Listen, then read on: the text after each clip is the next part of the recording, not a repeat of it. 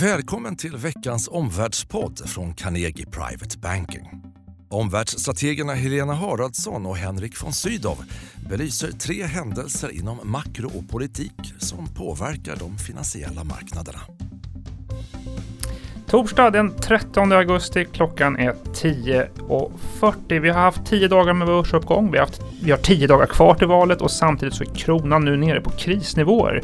Vi kommer prata den svenska kronan, vi pratar konjunkturen. Vi tittar också på kaoskortet i svensk politik. Hur kommer SD agera ekonomiskt politiskt efter valet? Du får tre analyser på 10 minuter. Helena, kronan som sagt verkligen ner på nästan då krisnivåer får vi säga. I mitten på juni kostade en euro lite över 10 kronor. Nu kostar den eh, 10,70. En dollar kostar mer än 9 kronor. Är, det, är kronan valrörelsens första förlorare? Är det det som spökar? Ja, valosäkerhet gör väl inte att fler vill ha svenska kronor i alla fall. Eh, man kan ju tänka sig att expansiva löften som den här extra semesterveckan kan upplevas som lite desperat och oansvarigt kanske. Eh, vi har ju också, eller framförallt du Henrik nämnt i tidigare poddar att SD är en joker. Blir de störst skulle det kunna öka osäkerheten och framförallt man skulle kunna jämställa oss med Italien. Oerfaren populistiskt parti som får vågmästarroll. Men historiskt kan man väl ändå poängtera då att det är ganska ovanligt att val ger några större rörelser. Det är det sällan på börs, inte heller på valutan eller räntor. Ofta ganska kortvarigt. Sen är det tydligt, precis som du sa Henrik, att nu har man brutit ut genom sitt handelsintervall mot euron framförallt. Mm. För sedan april har kronan legat mellan 10,10 och 10,65. Mm. Eh, nu har den då brutit igenom men man kan väl också tillägga då att vi är ganska långt från krisnivåerna därför att våren 2009 då kronan sist var enormt svag det var vi faktiskt hela en krona svagare mm. över 11,65. Jo, det är sant. Och vi pratar valhändelsen här nu men framförallt är det väl Riksbankens penningpolitik som förklarar den svaga kronan. Ja, vi har minusränta. Det kommer mm. bli stort fokus på Riksbanksmötet torsdag den 6 september, alltså nästa vecka. Eh, och varför det är så viktigt är att två ledamöter redan i början på sommaren då sa att de hade en avvikande uppfattning. En ville höja redan på det mötet i juli och en ville höja redan i september-oktober. Riksbanken själva har ju en räntebana då som indikerar en liten höjning i slutet av det här året. Samtidigt under sommaren så har ju den Europeiska centralbanken signalerat att de har skjutit sin räntehöjning framåt i tiden, alltså förbi sommaren 2019. Så det blir väldigt spännande att se. Jag tror att man nästan kan säga att marknaden och investerarna testar Riksbanken lite. Mm. Hur svag kan kronan bli innan de blir mindre duvaktiga? Just det. Förutom Riksbankens möte nästa vecka, förutom riksdagsvalet, vad finns det för andra förklaringar till att kronan nu ligger så lågt? Ja, det är tydligt om man tittar internationell media att en förklaring är handelsoron. Eh, mm. Vi är en liten ekonomi, liten valuta och vi är väldigt exportberoende. Det är också tydligt att bomarknadsoron, även om den har fått en liten paus här nu, inte är över. Sen tror jag tyvärr att vissa datapunkter kan spela roll. Vi fick en väldigt svag detaljhandelsförsäljning. Det kan man tolka på en svagare konjunktur. Men då ska man komma ihåg att det var oerhört varmt i juli. Torr sommar. Ja. ja, precis. Du, givet kronförsvagningen, hur eh, agerar förvaltningsteamet på Carnegie Private Banking? Ja, våra förvaltare har ju framgångsrikt och haft mindre svenska aktier än normalt under året. Eh, och det har ju varit ett helt rätt val. Eh, den svagare kronan har ju nämligen då lyft avkastningen på utländska aktier. Nu har vi valt att halvera den här undervikten till svenska aktier och då är den svaga kronan en förklaring. Vi tror att den kanske har fallit färdigt. Sen har vi fortfarande undervikt mot svenska aktier på grund av värdering och det jag nämnde då med lite handel Boron och valet. Just det, din korta slutsats om kronkurserna? Ja, vår bedömning är väl att kronan borde ha fallit färdigt men det är stort fokus på vad Ingves och gänget säger på torsdag. Mm. Från kronan till något som klättrar uppåt och det är ju Stockholmsbörsen verkligen. Det hänger möjligen ihop det där. Bra stöd i vinsttillväxten förstås då, och hygglig fart i konjunkturen får man säga. Samtidigt får man befara i många att tillväxten kanske toppar nu, att en rekyl kanske ligger i korten. Hur tycker du de senaste konjunktursignalerna ser ut? Vi fick ju en alldeles färsk industribarometer nu på morgonkvisten. Ja, morgonens barometer den visade på en väldigt stark industri. Mm. Upp för tredje månaden i rad på yes. deras framtidsförtroende.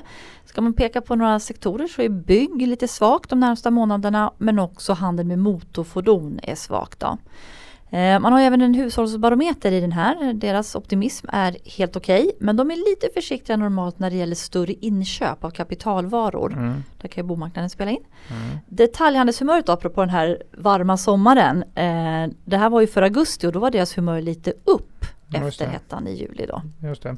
Några särskilt intressanta siffror eller indikationer kring europeisk konjunktur? Ja, faktiskt. Ja. Det har vi. En tung viktig barometer från Förstås. tyska IFO. Eh, glatt besked, den steg mest framtidsoptimismen. Ja. Man kan tänka sig att det har bedarrat lite handelsoro just eh, USA och Europa. Eh, svagare euro har nog hjälpt industrin. Men vi fick också faktiskt en barometer skulle jag vilja kalla det från den Europeiska centralbanken som tittar på bankutlåning. Kommer varje kvartal och det är tydligt att både företag och hushåll lånar mer och det är en optimismindikator positivt mm. för tillväxten. Mm. Detta om Sverige, detta om Europa. Om du blickar mot USA, vad får du för ledtrådar?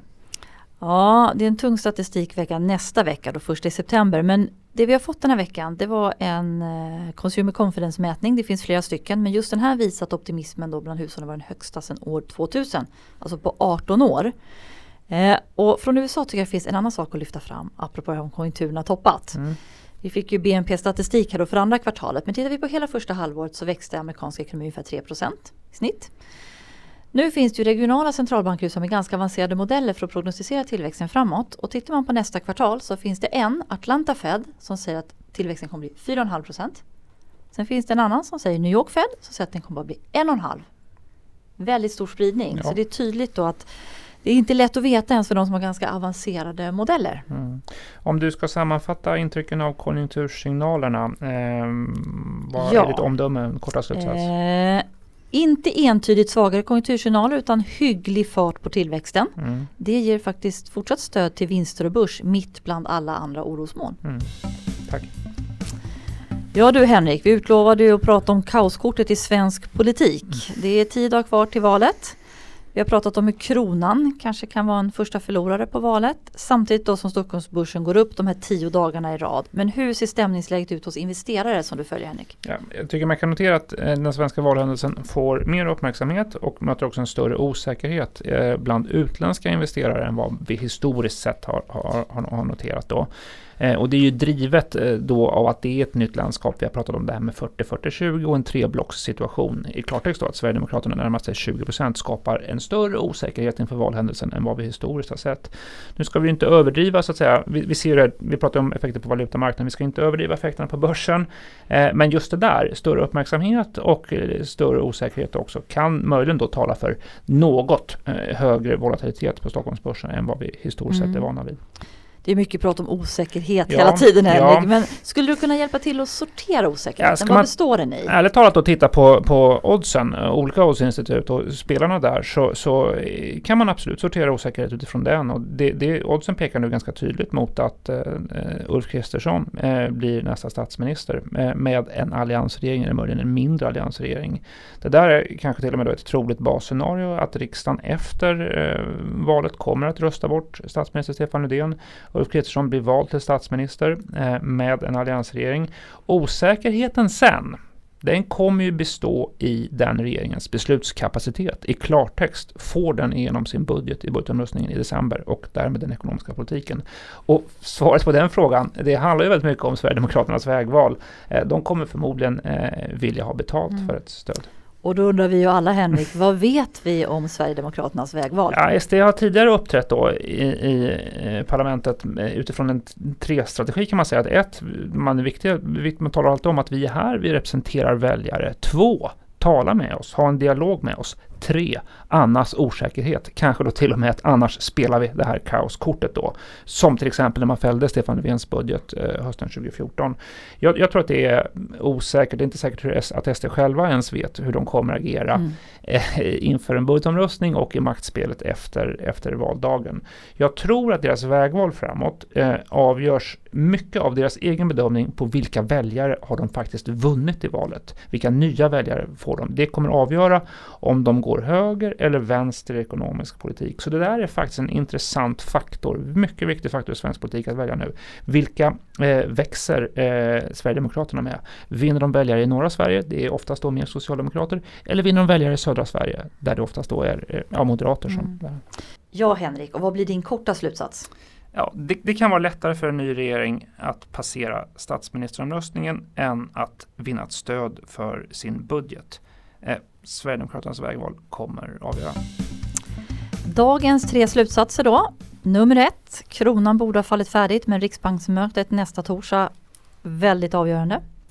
Två, bra konjunktursignaler den här veckan och tung statistikvecka nästa.